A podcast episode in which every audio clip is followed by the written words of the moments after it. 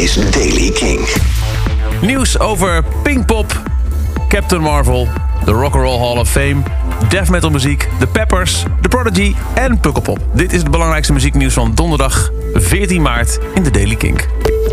Allereerst Pukkelpop, die heeft gisteren een paar nieuwe namen bekendgemaakt voor het festival. Daaronder onder meer Anderson Paak en de Free Nationals en Bullet for My Valentine. De Melkweg in Amsterdam organiseert vrijdag 29 maart een speciale avond als eerbetoon aan Keith Flint van The Prodigy, die eerder deze maand dood in zijn woning werd aangetroffen. De Red Hot Chili Peppers gaan vrijdagavond 8 uur Nederlandse tijd live optreden tussen de piramides van Gizeh in Egypte en dat livestreamen integraal op hun YouTube-kanaal.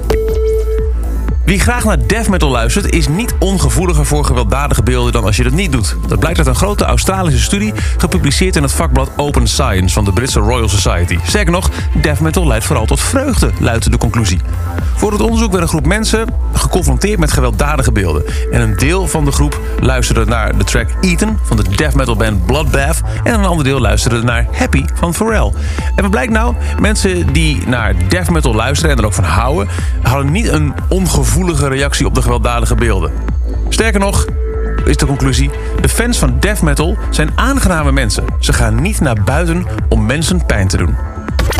Op 29 maart worden er nieuwe artiesten gehuldigd in de Rock'n'Roll Hall of Fame. En nu is bekend geworden wie die inhuldigingen gaan doen van de al eerder bekendgemaakte artiesten die erin gaan.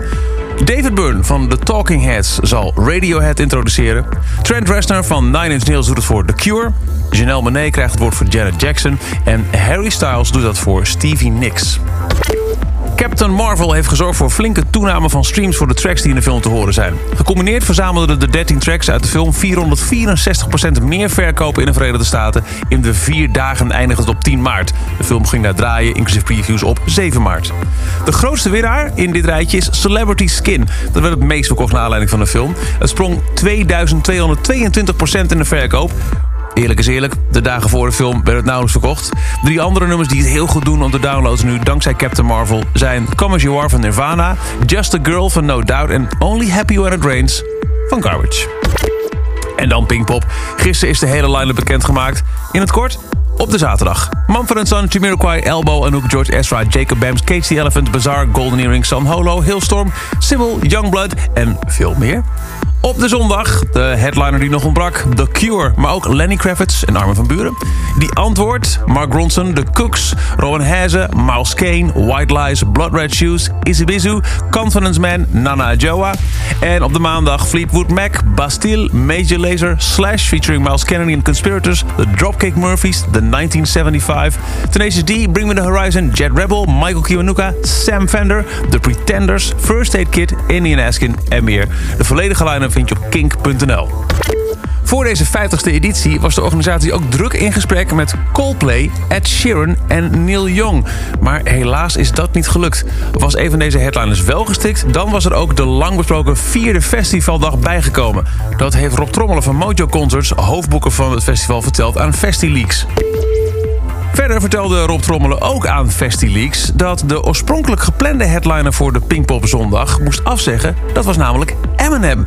Een flinke tegenvaller noemt Trommel het. Ze hadden Eminem heel lang staan als headliner. Hij zou op tour gaan door Europa met 8 à 12 shows. Maar half december werd bekend dat hij niet naar Europa kwam.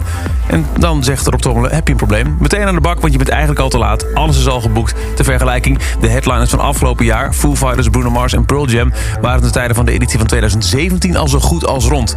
Het is dus nog wel gelukt. The Cure is uiteindelijk de headliner geworden voor de Pinkpop zondag.